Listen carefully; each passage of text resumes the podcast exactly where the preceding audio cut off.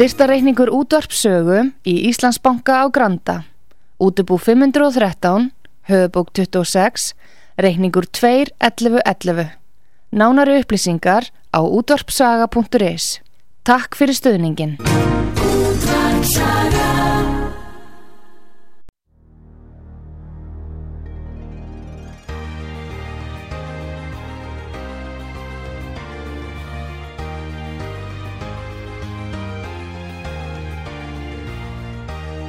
Heimsmálinn í umsjón Pétur Gunnlaugssonar. Fréttir og fréttatengt efni af Erlendum Vettvangi.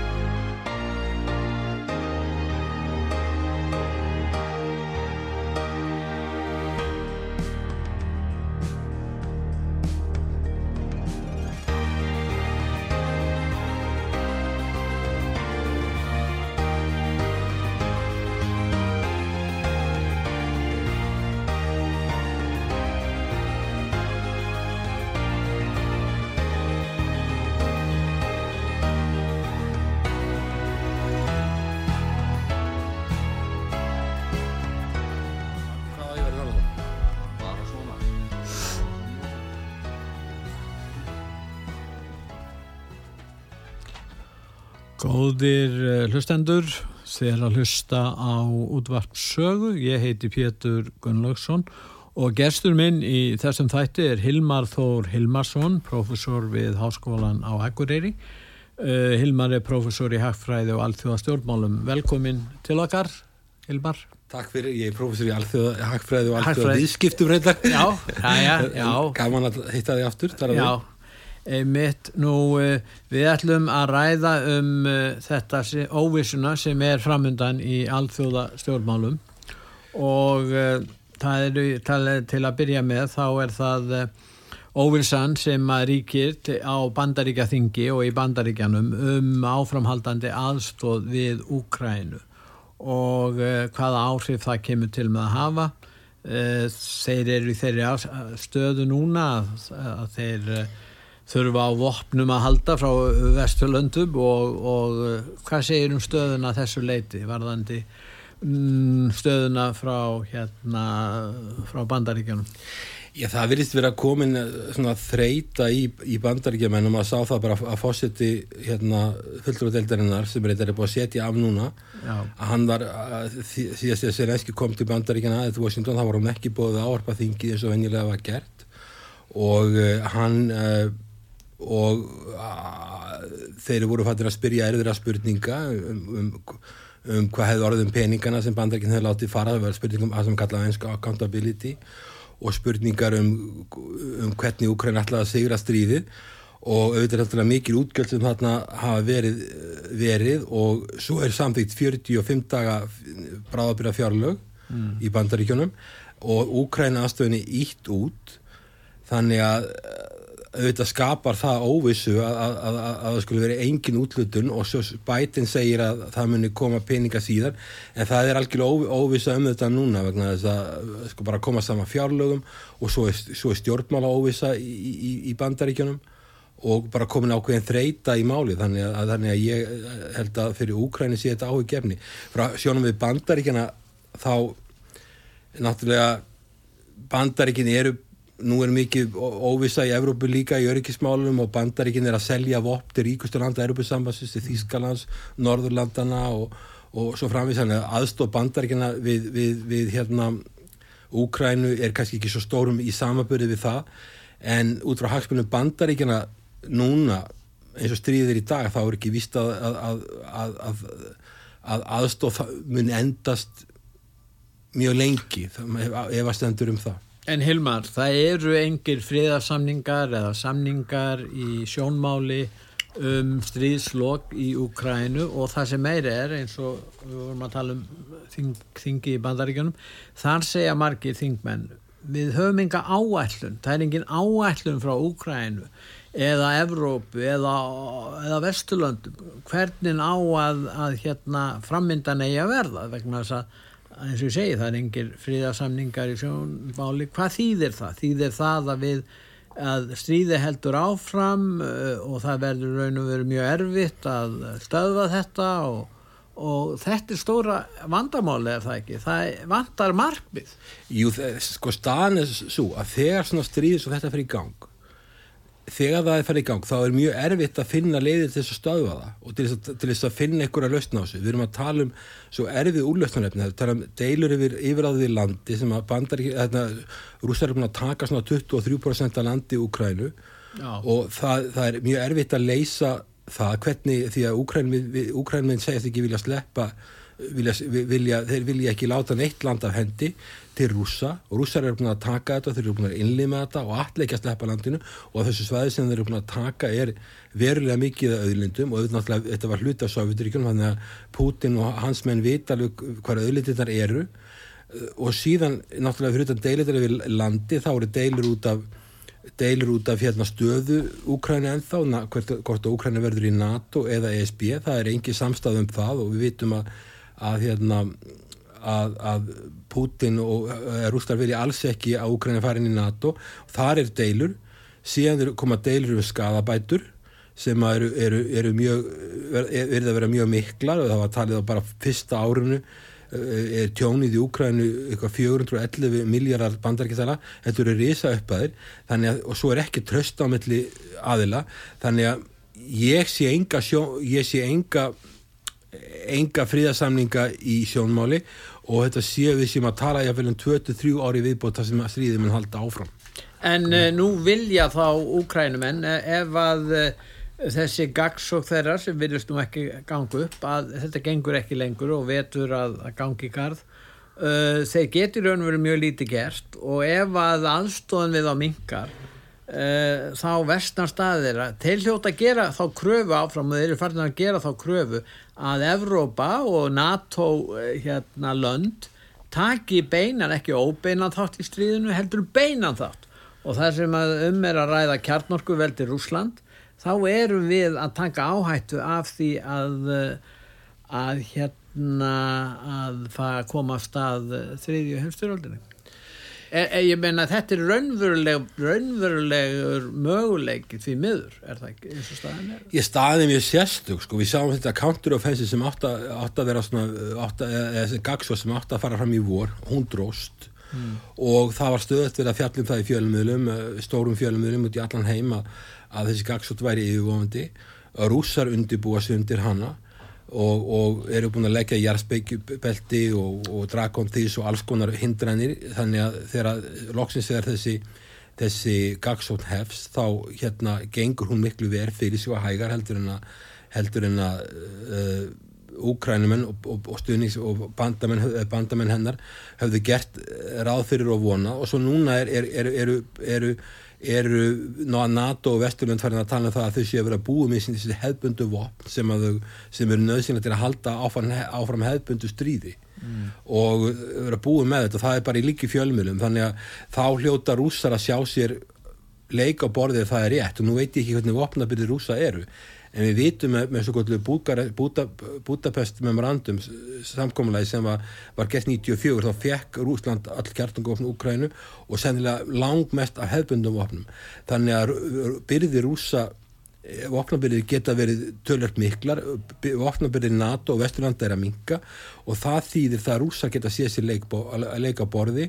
Mér finnst mjög líklegt að það vilji taka Odessa og það er með allt, allt landsvæði að svarta hafinu að alla ræminu að svarta hafinu taka það alveg að Moldófu þannig að þá er land, land, lukt land Þannig að þeir eru alltaf bæta við sig hugsanlega. og svo eru þeir að gera árásur á Karkiv, norðaustur hluta Úkrænu mm. sennilega vilja að taka Karkiv líka þetta eru borgir að sem mjög mikið er að rústaskumælandi fólki og ethnikrasjans þannig að sko ef að vesturlöndur að lýsa því yfir þessu að verða vopnlaus og hafi ekki vopn að byrja lengur og svo er stuðningurinn farin að minka, við sjáum þetta ekki bara óvissu í bandaríkjunum það eru bæ, báðum flokkum eru einagrunna sinna sem mm. vilja ekki endilega að bandaríkinn sé í þessu stríði sjá ekki beinan hagaði en svo er líka komin upp deilun milli milli Úkrænu og Vísegrallandana Póluland, Slovaki og Ungverjalands mm. og þannig að, að staðan fyrir Úkrænu núna er, er alls ekkit góð og líka því landið er fámennara að þá er, er, er eftir þessi stríði dreft á langin, það, það er óhagstæðara fyrir þann aðila sem er fámennari heldur en það sem er fjölmennari sem er, sem er Úsland. En rússatinn er búin að innlima hann á svæðin í östurlutanum og östurluta Úkrænu og það er spurning að, að eh, hvort það væri ekki skinsanlegast af Úkrænu að reyna að ná fríðarsamningi núna, ná halda þó ákveðinu stöð í þessu því að ástandi gæti eins og þú bendir á það gæti jafnvel versna það gæti verið að missa frekari landsvæði eins og segir Odessa og alveg að landa meira Moldóf Jú, það, það, það, það mætti segja það, ég held bara póli, sko, það var spurningi hvernig, hver, hver getur Selenski pólitíst farið að gefa eftir? Ég hefði haldið það eins og ég hefði haldið það lausni sem að, sem að eða það sem að síðasti sendi er að bandaríkjana í Úkræni talaði um á sínum tíma þegar, þegar Sovjetríki fjallu Já. þá hefði átt að breyta Úkræni í federal state það sem væri ákveðin svæði sem hefði meiri sjálfstjórn. Já. og það hefði verið skinsalari fyrir Úkræni fyrir að breyta landamæranum að það væri svæði það sem að rúsnesku, rúst, efnigrasjón sem rúsar fólki að rúsnesku bergibróti að það hefði meiri yfiráði við sínum eigin málum. Það hefði verið skinsamlega löst að semja um það Já, það, það, það væri sjálfsákvörunar réttur í östulutunum væri meiri já. heldur en hann var síðan. En, en það, það hef, held, hef, ég hef, held ég hef verið skásti og er ennþá skásti kostur Úkrænu en eh, svo er spurningi hvað getur Selenski, hvaða svigrum hefur hann innlandas og pólitískan stöðning hann er umkringdur harlínu fólki sem vill ekkert gefa eftir. já, harlínu fólki sem vill ekkert gefa eftir og rússar vilja ekkert gefa eftir, ég býst við að þeim finnist eða það sé mjög það sé hugsanlega að þeir hafi yfir, yfir höndina núna og þeir vilja nýta sér þetta þess að taka starri svæða Úkrænu. Það er líka viðþálan á Vesturlöndum, flestur á Vesturlöndum styðja Úkrænu og þeir segja það er að halda áfram að styðja Úkrænu þar til að Úkrænu sigrar Rúsland og þeir líta það bara sem raunhæfan kost og og í raun og veru kannski er þessi stefna sem áttur að valda ennþá meiri harmleg í, í, í framtíðinni?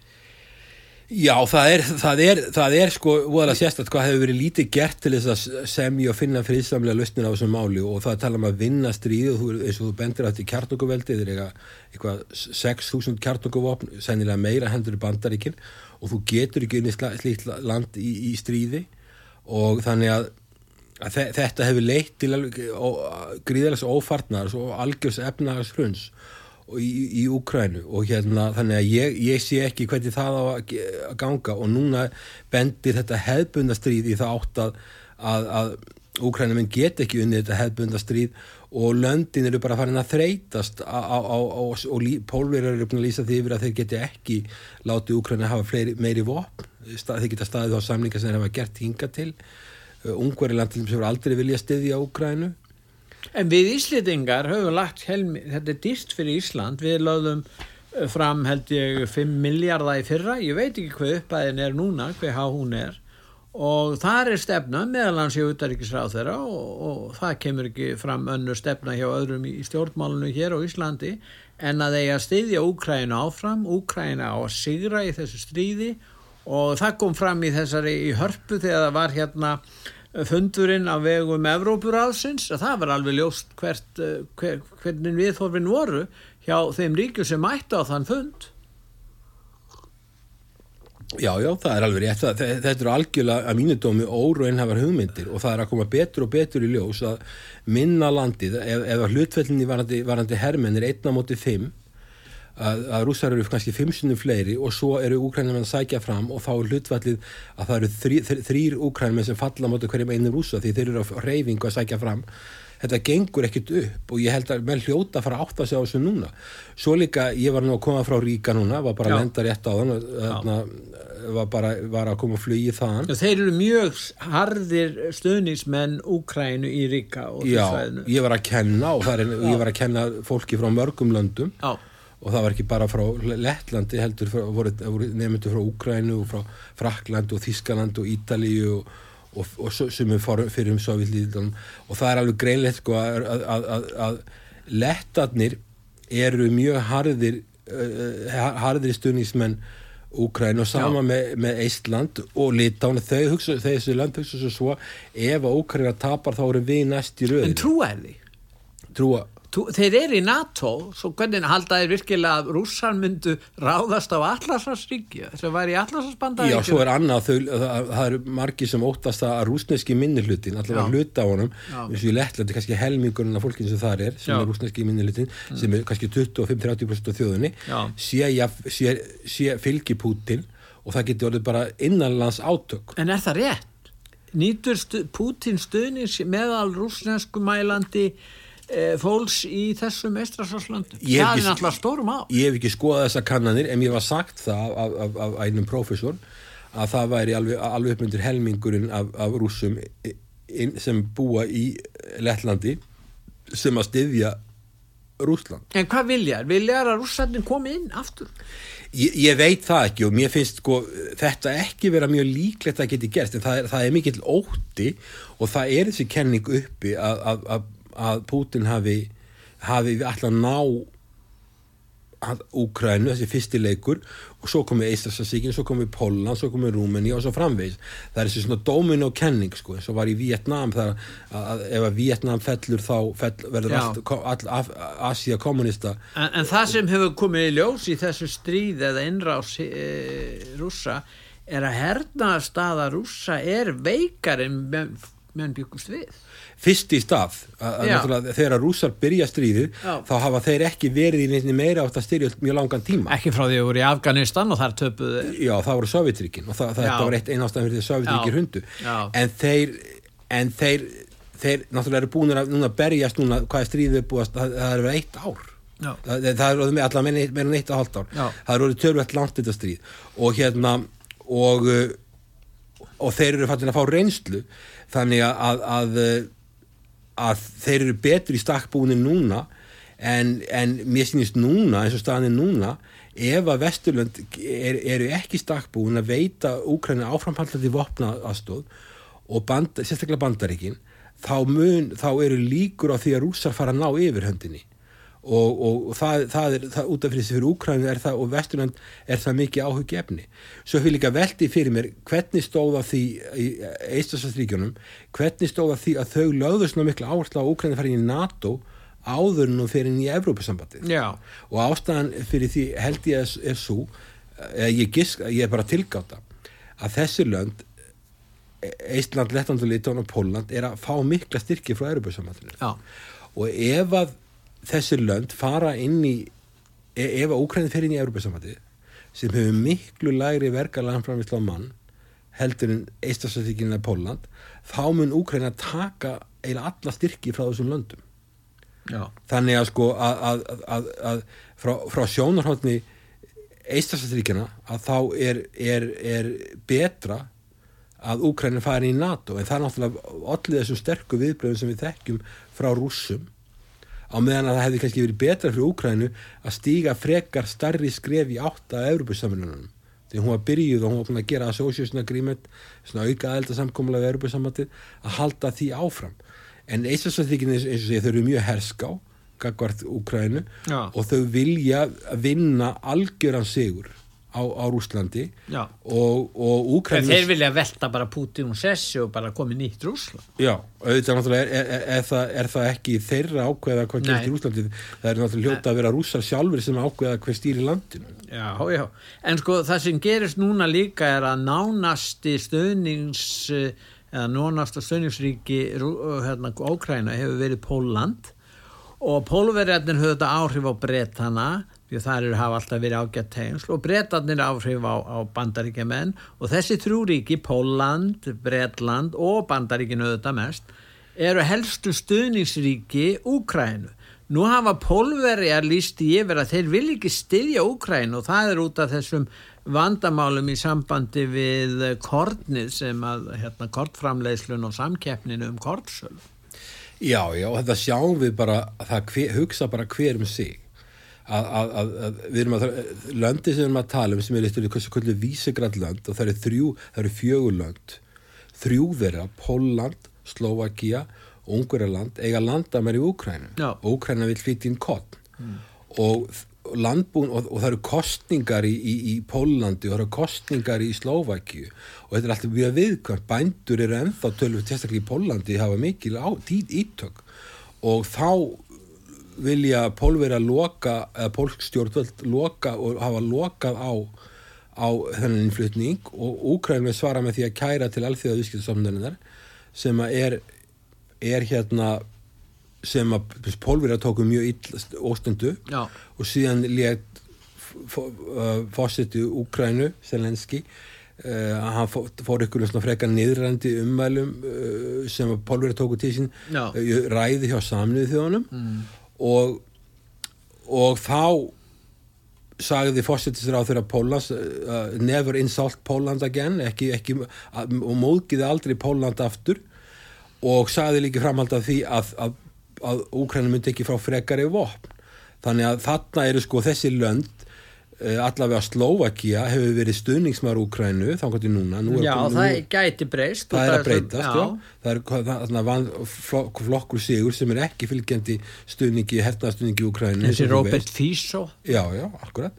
Og svo er, er, er hérna, og áður hefur Slovakar látið að hafa uh, orðsutþóttur frá so sovjaskar, MIG 929, þannig að Slovakar hefðu hjálpað, en nú er það að verða búið, líka kannski að því að Slovakia hefur kannski ekki svo mikið annað sem hún getur látið að hendi.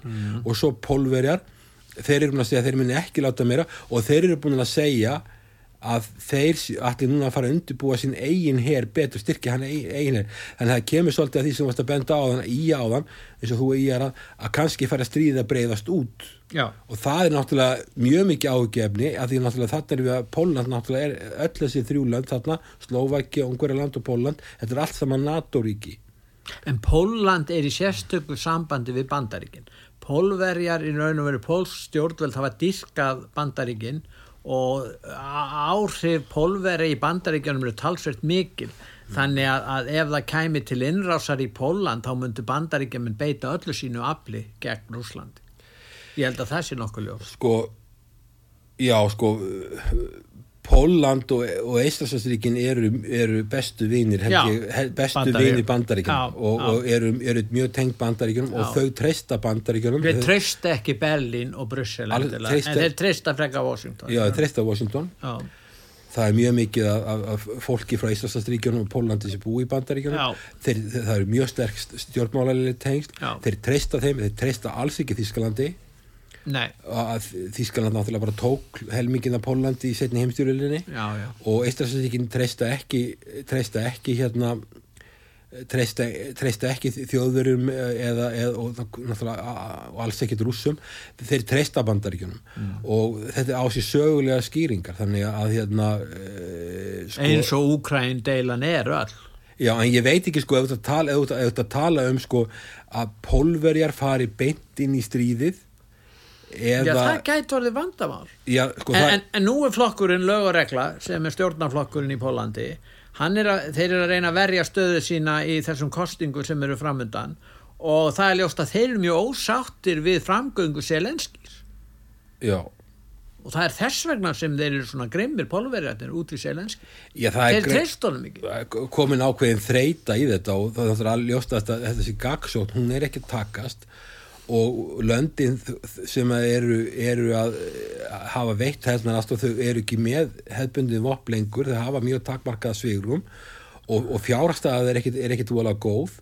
Og svo náttúrulega hafa þessi lönd eins og Póland verið að taka við mjög mikið af, af ukrænumönnum og, og inn á sig og aðstofa þá. Eh, það komist nákvæðin þreita og pyrringur í þetta sem er, er áhugjefni fyrir Úkrænu svo hafa Úkrænumenn líka fórstum með þeirra verið ógætilegir í, í, í bara talsmáta ja, til dæmis að auðarengistrað þennan þeirra sem segir bla, bladamannum bara að halda kæfti eða sjáta upp á fundi bladamann á fundi, bladamenn sem er að spyrja hann út í gagsóknina Já. og eru öruglega hlindur úkrænu Já. að þeir hafa verið alltaf ógætilegir þetta er kannski reynsluleysi ógætilegir í talsmáta mm. og svo líka hvernig þeir tala við, til bandaríkjaman og bandaríkja þings ógætilegir, en það getur skapa ákveðin pyrring, þetta er bara líka reynsluleysi landsins, þegar ég hafi ekki ég meina fósittin er fyrir mér þetta gamanleikari mm. og hann hefur ekki mikla, mikla pólitíska reynslu og hann er komandur in tíf, hann stjórnar hernum líka, það er ekki varnamálaður hann er fósittin mm, og hann hefur og hann hefur bara ekki mikla reynslu. Þannig að sko það, það er ákveðna blíkur á lofti þarna bæði það að, að, að vopnin er ekki lengur til staðar uh, og hérna frá Vesturlöndum og svona erfið, erfið samskipti milli, á milli aðila og svo að bandaríkinn kannski sjá sér ekki endilega hagi að halda áfram að styðja Ókrænu. Bandaríkinn er, er að selja vopn til ríku vesturauðurlandana, ríku landana eins og Þískalands, Norrlandana og Hollands og sér að landa mm. og vilja kannski að þessi lönd taki meira að sér að verja Evrópu og bandaríkinn sé bara í bakgrunnum. Uppalega þegar stríðið innrásin hófst þá var svona voru samstaði í Evrópu líka af halvu ungverja. Síðan fóru Viktor Orbán þarna fósittisáðra eh, að tala um fyrir fríðarsamningu frekar en hernaðalösnum og hann hefur verið mjög umdeildur. En eh, nú virðist fjölga eins og þú bendur á Slovaki er komið þarna, Pólverjarnir. Nú það spurningum þjóðverjarna. Þjóðverjarnir eru hrættir við það að verða sko orkulöysir bara hreinlega. Þannig að allt er atvinnilíf byggist á því þannig að Já. þeir eru í miklu vanda og hafa alltaf aðra hagsmunni en frak, frakkanir er þó með sína kjarnorkuver þannig að þeir geta haldið því gangandi. Þannig að samstafan sem var fyrir svona einu ári rúmlega hún er ekki lengur til staðar. Því miður þá fyrir þá sem að vilja þessa stefna áfram Já, það, það, það eru komin eins og ég segjum ákveðið þreita, það er vísegrallandi sem hafa verið, sem eru, eru nágrannaríki í Úkrænu og skipta miklu máli og sko ungverjað, ég, ég var, var fyrir svona eitthvað einu og halvu ári í Ungverjalandi og talaði Já. við fjöldamanns, þar á meðal að sann sem stjórnarnar og fiskrikt og fósettisráður og, og fjölmarka eh, háskóla eh, menn og, og, og stjórnvöld og síðan talaði við sendi herra í, í, í hefðstöðum NATO og í hefðstöðum Europasamansins í Ungur að það líka. Já. og þeir, þeir hafa alltaf vilja semja um fríð og þeir hafa alltaf vilja fara diplomatíska lausn. Og ég, ég veit að þá er bara sagt, við vitum hvernig það er ef þú vilt semja fríð, þá ertu með sambandi Putin og þá ertu sennilega að launaskrá hjá Kremli eða eitthvað, það er þessi tortrykni þeir hafa vilja fara diplomatíska leið og alltaf tala fyrir því og hérna og þetta er svona realistar í pólitík, þeir vilja semja þeir held að sé engin annar lausn til þeir sjá ekki fyrir sér að Úkræna geti unni stríði, nefnum sér að fá hermenn frá NATO en þá er eins og þú bendir á, þá eru við konið með heimstyrjöld, þeir hef ekki séð raunverulega lausn að Úkræna geti unni stríði, það vilja semja um þetta, þannig að Ungverðiland hefur alltaf verið svolítið sér á parti en það eru líkur fyrir því að, að lönd, önnur lönd, nágrannir ekki og önnur lönd fari að sjá það að það er ekki negin önnur lausn heldur en samningar og því miður er það að koma þegar að búið er að leggja stóra hluta landin í rúst. En áróðurinn hefur verið þannig að þeir sem hafa talað fyrir fríðarlausn sem er náttúrulega eða ekki að það gangi ekki hernaðarlausnin að þeir hafa verið sagaður um að vera rúsadindlar og annað slíkt þannig að umræðin hefur verið mjög lágur plan og erfið í raun og veru. Já, það, sko, það, það ætti að vera þannig alltaf að fríður er, er alltaf betri í lausn heldur, heldur en hernaður og, og hérna það, það er alltaf betri laust en sjáu hvað Íslitinga gera. Þeir reka sendi herran í raun og veru rúsneska það má segja þeir að við gert það og kalla síðan það er ekkert sendrað sem við erum með í Moskva á þessum tíma. Og, og, og þetta eru mjög, mjög rótækar ákvarðanir sem að auðvaríkisráð þeirra Íslands tekur. Við hefum ekki séð þetta áður. Nei, þetta er algjörlega vanhugsað þetta eru vanhugsaðar aðgerðir. Og þegar ég er að tala við senda þeirra frá Íslandsastríkjunum frá Norðurlöndunum að er að ræða við þeir, þeir finnst þetta skrítið að stjórnvöldu hérna skilt hafa þeir Það er engin annar sem gerir þetta. nei það er enginn sem gerir þetta.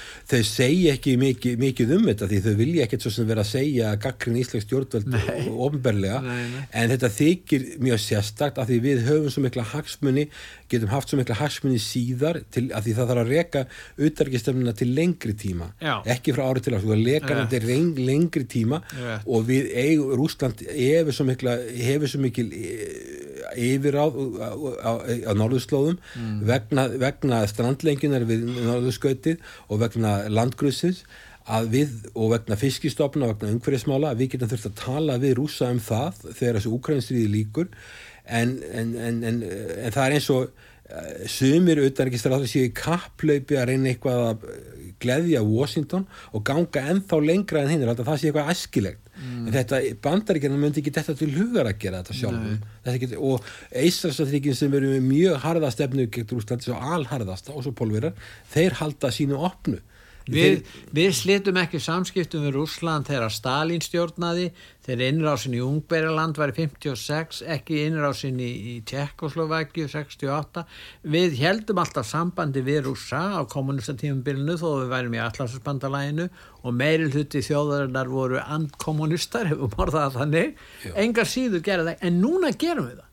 Já. Þetta eru nú stór merkileg tíðindi sögulega síðan frá okkar svona Já, það, sko, það, það, við erum ekki búin að stýta stjórnmálasamhaldi við rúsa Nei, en, en, Við erum að loka en, sendiráð. Já, já, ég segi það, en svona þessi skref sem hafa verið tekið, Já. þau eru mjög rótæk. þau eru mjög rótag og rússar taka þessu óstund upp ég hef þekki sendera sem að búi þessu sendirasbúst á þekki aðstæðar í já. sem að verið þarna og, og, og uh, það þetta var mjög góð aðstæða sem Ísland hafði þarna er sendirasbústar sem var í eigu mér skilst rúslandska ríkisins að hagstaði samninga fyrir okkur á, besta stað og sendir á sem hentaði okkur vel fyrst svona við erum smá þjóð, við erum ekki með stór sendir á. Og þetta sendir á var að sinna ykkur um átta fyrir um Sovjetiríkjunum Já, og þetta eru bara einhverju tveir diplomatar, eitthvað mjög lítið. Mm. þetta var uh, vanhugsað, vanhugsuð aðgerð algjörlega Mm. vanhugsuð aðgerð.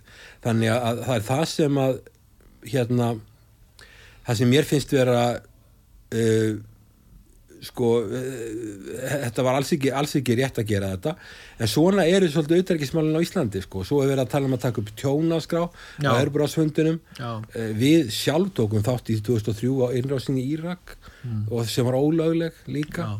Já. það er ekkert verið að tala um tjónaskrá þar en menn verið að passa sér svolítið hvað þeir eru að segja sko, upp á að vera sjálfur þessu sangkvæmi eða Líbíu, segðu. Já.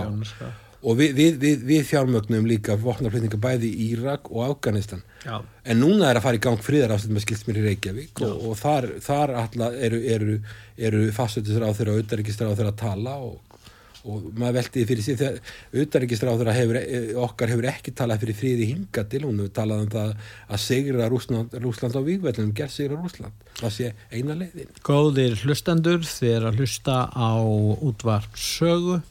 Ég heiti Pétur Gunnlaugsson og gestur minn í þessum þætti er Hilma Þór Hilmarsson, professor við Háskólanum Akureyri og við ætlum núna að hlýða á nokkra ölsingar og eftir að byrtingu þeirra þá ætlum við að halda umræðunni áfram.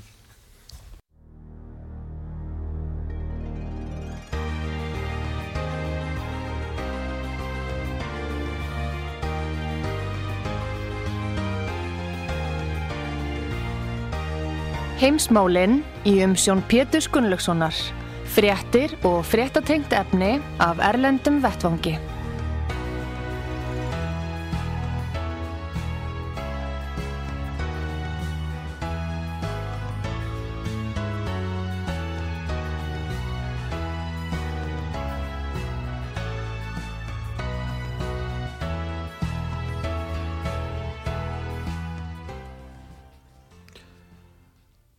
Góði, góðir uh, hlustendur, þið er að hlusta á útvart sögu. Ég heiti Pétur Gunnlaugsson og gestur minn í þessum þætti er Hilmar Þór Hilmarsson, professor við Háskólan á Akureyri. Nú Hilmar, eh, nú hefa orðið breytingar í bandaríkjunum, það er nú talsverð upplösn í bandaríska þinginu. Uh, Fórsitið þingsins, Kevin McCarthy, hefur verið rekinn eh, má segja og enginn fórsiti þar núna í fulltrúadeildinu sem þýður það það fer ekkert fram neitt lögjafastarf í þinginu. Á meðan það er enginn engin þingfórsiti og þá mun ekkert gerast í þessu málöfnum Úkrænu er ekki nokkuð ljóst? Það er alveg ljós sko, það er, er verið samþykkt núna bara nýlega bráðabyrða fjárlög bara fyrir 45 daga og bætin hafði í sumar beðið 24 miljardar dollara hernarast og fyrir Úkrænu Já, og það er núna í óvissu. Og Úkræna og Úkræna er að brenna, er að áallega 2,5 miljardi dollara á mánuði í vopnum. Já. skotfærum, búnaði og viðhald af vopnum 2,5 miljardur og það er mjög, það er eitthvað lítið eftir að fjármagni og svo eru, eru bandaríkjumenn að láta Úkræna hafa budget support til þess að reka ríkiskerfið. Þessu budget support þá, það, það því ég hef unnið við slíka það er- fjár, fjárlega stuðningur Já. og peningar sem fara inn í fjárlögin hjá Úkræni til að reka bara grunnþjónustu ríkisins. Já, og, og það, er, það er, þetta er allt núna í, í, í óvissu hvað verður um þetta og svo er spurningin hvaða hagsmunni hafa bandaríkin af því að halda áfram stuðningi í Úkrænu og það er einagrunna sem er í báðum flokkum. En replikanar eru, eru orðin mjög skeftískir og þessi fósiti sem var settur af hann stutti víst tilögu bætin um áframhaldi Upphaflega. hann stutti það. En hann var farin að spyrja mjög erfira spurninga og ætla að, að spyrja selenski erfira spurninga á lokum fundi eh, nýlega í Washington. Þannig að, að svona, það, það er óvissa um stuðning bandaríkjana núna á næstunni og, og án stuðning frá bandaríkjana þá, þá ég held að ókrænum það bara sagt að sjálfur þeir muni ekki hafa mikið úttalt En bráðabyrða fjárlögin sem gilda í fjö- 45 daga gera ekki ráð fyrir svona 6 biljónum dollara sem átt að fara til Úkrænu. Og það er það sem vantar og það sem margir eru hætti viðstöðningsminn Úkrænu að þreinlega eftir 45 daga ef það verður sam, verður verður samtitt sem er alls ekki vist að þá bara hreinlega verði staðan þannig að, að smán saman þá muni fleiri og fleiri þingmenn segja já það vantar áætlun, við vitum ekki hvað verður um þessa peninga, staðan er orðin slæm. Þannig að, að, að þá er eiginlega, sko, eins og þú segir réttilega, staða Úkræna orðin mjög erfið í samningum til dæmis. Já, ég meina altså við, höfum, við höfum rætt þetta í fyrir þáttum tíminn er ekkert að vinna með Úkrænu og, uh, og svo er það líka náttúrulega bætinn stjórn það eru kostninga framundan Gæti Biden sagt, nú gengur honum illa, því að Trump er náttúrulega mjög umdeiltur frambjóðandi, en það var búist við því að, að Biden gæti unniðan, nú er það alveg óvíst og reyndar eh, hann hefur að minna fylgi.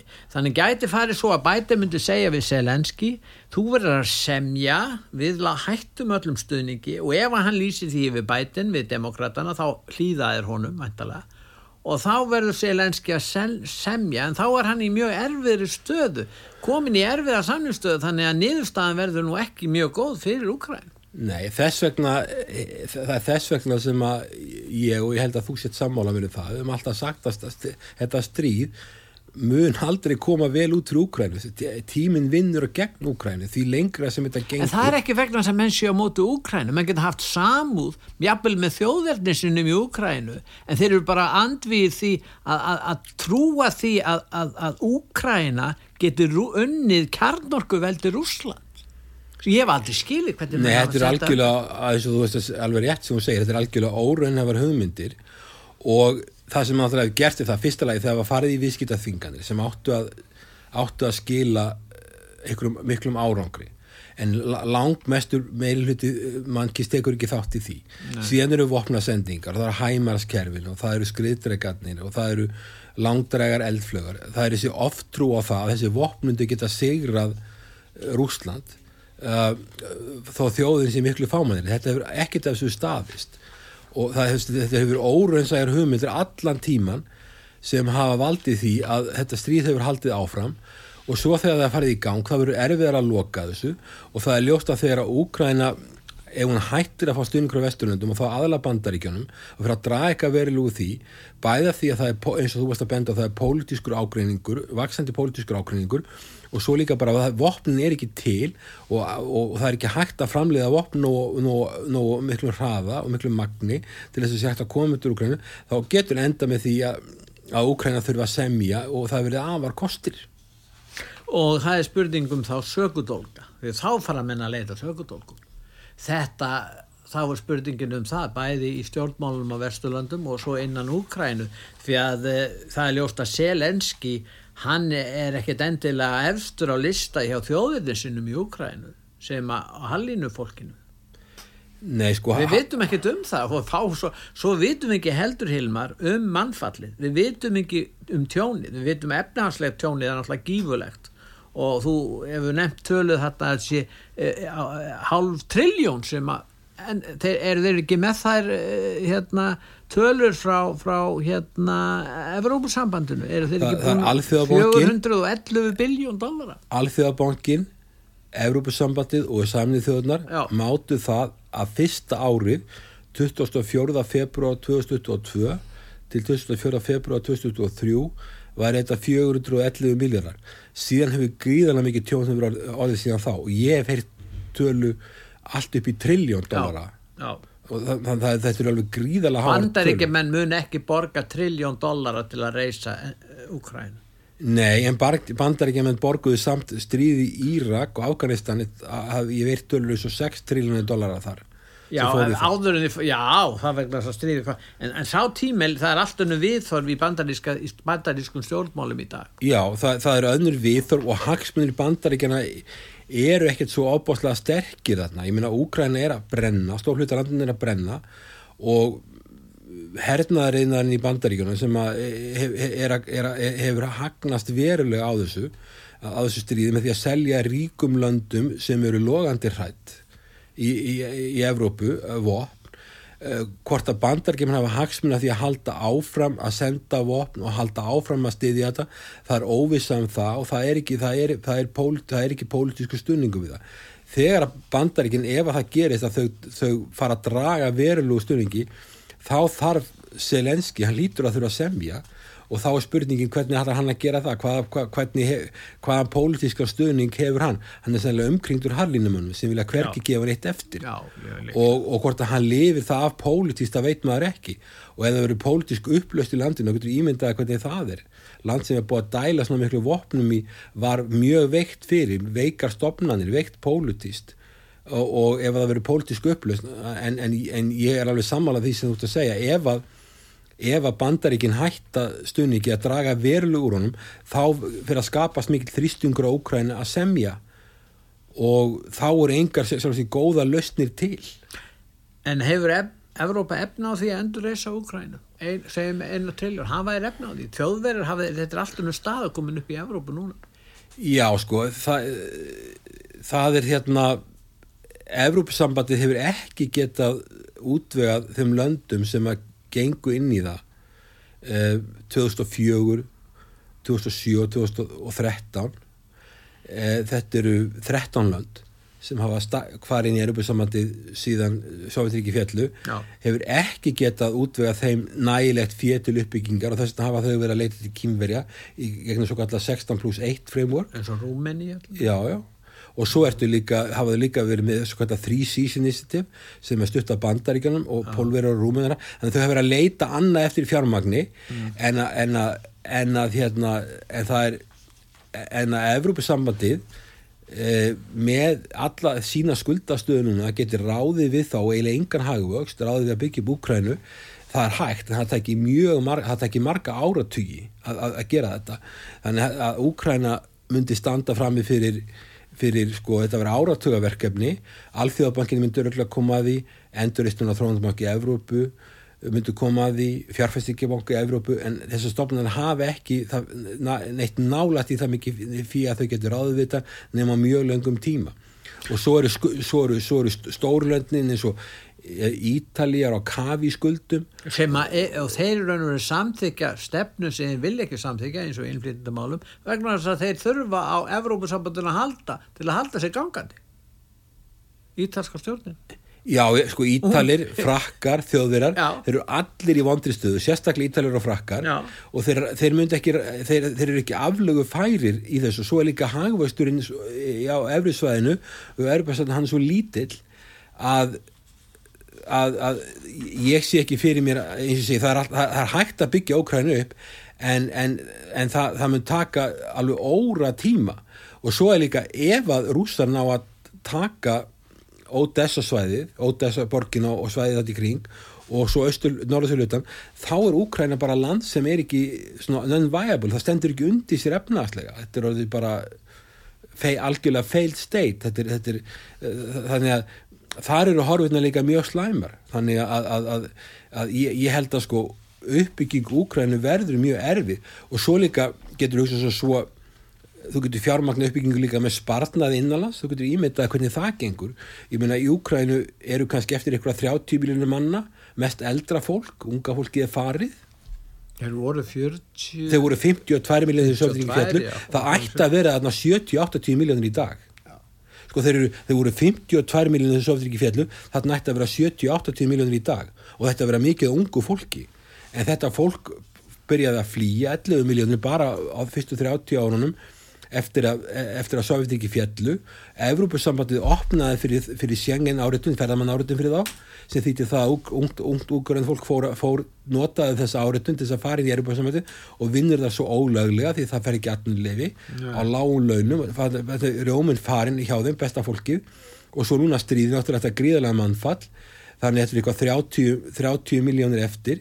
Þannig að að, að hérna að, að, að það verður allt mjög erfitt og svo er bara aldurstreifingin alveg slæm þetta verður mikil öldruna vandamál hjá landinu en það er landi mun þurfa mjög mikla aðstóð nú er kostinga framöndan viða í Evrópu. Það er í Pólandi núna, það er í Hollandi, það er í Östuríki og hugsanlega í janúar í, í, á Spáni, við vitum það ekki að þá.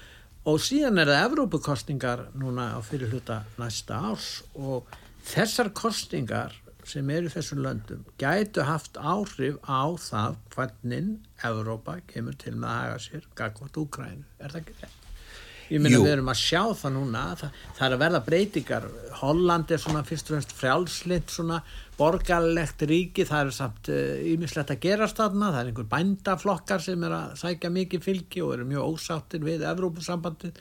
E, e, í Östuríki er fræhætspartæ, orðið stærsti flokkur með 30% fylgi, nú pólveri, við veitum ekki hvernig það verður, þannig að, að og svo spátn að vísu, en, en sko, það getur allt gerst, eða ekki. Já, þú veist, þú veist nú örgulega betur um mörgasiland meira heldur en ég, en ég meina ég held að, að, að allavega viljinn til þess að halda stríðinu áfram Já. og getan til að byggja upp Úkrænu þetta fari allt verrandi. En það er svo sorglegt, Hilmar, að þeir sem vilja Úkrænu vel, þeir eru að ráðleika þeim ekki svo vel, kannski. Það er það sem er svo sorglegt í þessu, því eins og við erum að tala um núna, ef þetta fer þannig og, og, og að, að Úkræna staðan versna verulega, þá kannski sitjum við uppi með klofi ríki, ekkert vel vera pólveri að vilja sækja hluta af, af vesturhlutanum og rússarni meira af austurhlutanum, ég meina, hvað verður um þetta ríki? Sko það er það að sko, Vesturlönd eru búin að, ei, sem að telja sig vera vini Úkrænu, Já. eru búin að leiða landið í ákveðna gildru Já. og koma á stað stríði. Þar á meðal Ísland líka. Já, við, Við erum hluta af við erum ekki reynum hendurnar í því máli Nei. og við erum búin að, le- það er búin að leiða landi í ákveðna gildru með því að pressa á, á, á, á þessa NATO aðild sem var algjörlega ótíðanbært þetta 15 ára síðan, þetta er engum í huga landi síðan að fara inn í NATO hvað þá er upp á sambandið, það er búið að leiða því ákveðna gildru, kannski var þetta gert með góðum huga ykkurum, ykkurum, ykkurum hérna, velvilja, ég veit ekki, þetta er algjörlega óraunsætt og þetta lá algjörlega fyrir. Ég sjálfur skrifaði greinum þetta 2019, mér finnst þetta var algjörlega að vera óraunnæft og þannig verið að, að fórna þessu landi og uh, ég veit ekki, það, kannski það sem að einhver lönd sjá sér hagi því það sé búið að veikja rúsneska herin það mikið að, að hann, það sé minni líkur að hann ráðist á, á Eistrasalstríkin, hann ráðist á Póland og annu lönd, kannski sjá aðeinar eitthvað, eitthvað í því, að það sé eitthvað gott í því, að Rúsland sé veikara og uh, muni þá ekki ráðast á annu lönd. En en það er búið að fórna það er búið að fórna Úkrænu raunverulega fyrir ekki einhvern skapaðan hlut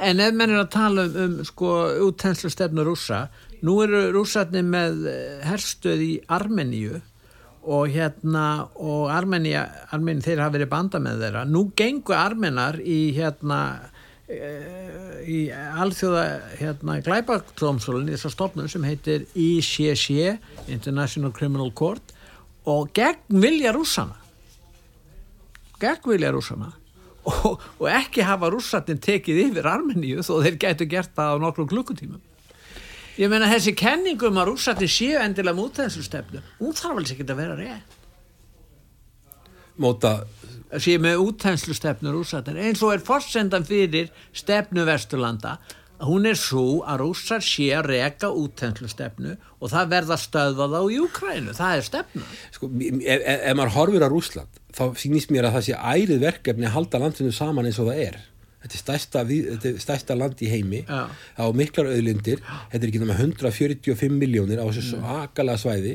Og það er ákveðin hægt á að þetta land geti liðast í sundur. Að sé hver, hver ræðir á því, ég, Já, kýmverjarnir getur, kýmverjarnir getur gert landakröfur á valdi Vostok og austursvæði Já. þannig að, sko, að, að það- getur orðið, orðið vandamál. En sko, jú, jú, það er talað um það að rússar hafi alltaf bara taka það er þessi, það er þessi dómin og kenning sko, að, að eh, við höfum séð þetta í bandaríkjunum áður í, í, í Vietnam, þá var talað ef, ef, ef, ef að kommunistaflokkurum, ef kommunistar myndi vinna ef við taka allt Vietnam, þá myndi öll Asia verða kommunistaríki, mm. kommunistasvæði, allt saman. Og svo myndi því að vilja all Evrópa verða kommunista Já. þetta var svona, svona, þetta var svona dóminokenning að, að hver kuppurinn fjalla öðrum og, og það er því allt saman bara kommunistaríki, þarna var líka talað um að það kemur þessi dóminokenning afturvarandi það að rússar taki Úkrænu og svo komi hvert landi á fætur öðru verið tekið og ég, ég náttúrulega veit ekki sjálf sér hvað er að gerast í höfðurinn á Pútin Nei. en ég finnst þetta að vera algjörlega óraunhæf hugmynd og, og, og þú sér þessum með Úkræna hann að, að Sovjetiríki eða, Rússland er að taka ákveðna hlutalandinu sem að þeir telja mikilega strategíst sem er sem sagt aðgangur að svarta hafinu, austur, héröðin og borginnar sem eru svona rúsnesku meðlenda sem er rússar eru, eru kannski meiri hluta og þurfa að taka svæði sem eru auðlindirnar eru en þeir stoppa þar. Þannig að sko ég hérna, held að ef að þetta sem ég vona verði ekki, ef að þetta fyrir þannig að, að, Vesturlönd er að missa forskotið, þú hafi ekki meira vopnum Úkrænum er, er, er að sumir liti bara blæð út þá muni, eh, það muni enda með því að rúsa taki kannski 30-40% landinu en ég held að þeir muni ekki taka meira og mér finnst ólíklegt að þeir fara að taka hérna önnu lönd, auðvitað gæti maður sagt, tekur, ég var að koma frá Lettlandi austurluti Lettlands Latgali eru, eru, eru meiri hluti rússar. Borgis og Daugavpils og Reseknins eru, eru rússar en eru þeir kúaðir minni hluti þeir hafa, ekki á haft, þeir hafa ekki haft réttindi sem að lettar hafa haft almenni borgarar. Já. og sami í Íslandi, Narva héruðin að, að, að þeir getur tekið þau. En mér finnst það frekar ólíklegt að þeir fara að ráðast inn á NATO svæði enda er þessi það er svæði áhætt af því að mikil áhætta og það er einhver augljósar auðlindir að það sem skipta verulegu máli. En auðvitað er uh, þessir aðilar í þessum löndum uh, rússar, uh, hólki sem er rússnækjubergi brotið því finnst vera brotið á því takmarkaði möguleika fyrir það að halda og í þessu máli. Já. því finnst það en ég skil alveg lettana þessar þjóðverðis, sterkur þjóðverðis kendi í Lettlandi, við vitum þá svo við tíman og þá voru þá, þá voru tekni, þeirra, margt af þeirra hæfileikar fólki tekið til fanga Já. flutti í vinnubúður í Sýberíu Já. þetta er óbáslega erfið saga Já. þannig að maður skilur þessu hörðu viðbrögð En það var sérlega rétt, Jón Baldvin var í þætti hérna á útvarpu sögu núna í vekunum og hann sagði að verstu minnstögni sem Vesturlönd gerðu var að innleið ekki Marshallhjálp eh, þegar Jelsin komst til valda og það hefði þessi lutir aldrei gerst sem við erum að horfa upp á í dag. Já, Sem en tala- Sennilega rétt hjá fyrirverandi auðaríkisráð er hann þá að tala um Marsjál til að byggja upp Já, upp upp upp upp Rúsland og, og að svæði þetta. já, ég held að hafa sérstaklega. ég held að hafi aldrei verið neitt sérstökum vilji fyrir því að byggja upp Rúsland. Það virðist vera að ba- Bandaríkin líti á Rúsland sem að við líti á Bandaríkin sem, Sem er gífuleg skamsýni. óvinnaríki Í staðan fyrir að, þetta sé, við ættu að vera náttúrulegir bandamenn þeirra. já, vegna þess að ef þú ert að horfa stóra auðvitað politík þá er mjög e- erfitt fyrir Bandaríkin að vera í stríði við kynverja Já. eða eða hörðum deilum við En þeir eru búin að reka rússa í fann og, og, kýmur. og, og, og, og í stríði við rússa það, það, það, það, er náttúrulega já það er, er, er óskynsalegt að gera það og, og, en þetta hafa þeir gert. En vildu samt sem áður að Evrópusambandið færði sig til að útbyrða líðræði til, til hérna til austus og svo NATO líka og, og útbyrða NATO og síðan að nota NATO gett kýmurum þetta er náttúrulega, ég er alveg sammálaður í því að, að, að það hefði verið miklu skynstalara fyrir, fyrir hérna bandaríkina að reyna að finna flöt til að vinna með rússum Já. og Evrópa þarf á einhverju stígi að, að, að- að finna flöt til að vinna með rússum. En það, út af, því sem komir þá mun það örgulega taka lang, mjög langan tíma. Þakka ég fyrir Hilmar. Takk fyrir. koma til okkar. Og uh, ég þakka hlustendum undvar sögu fyrir að hlusta. Verið þið sæl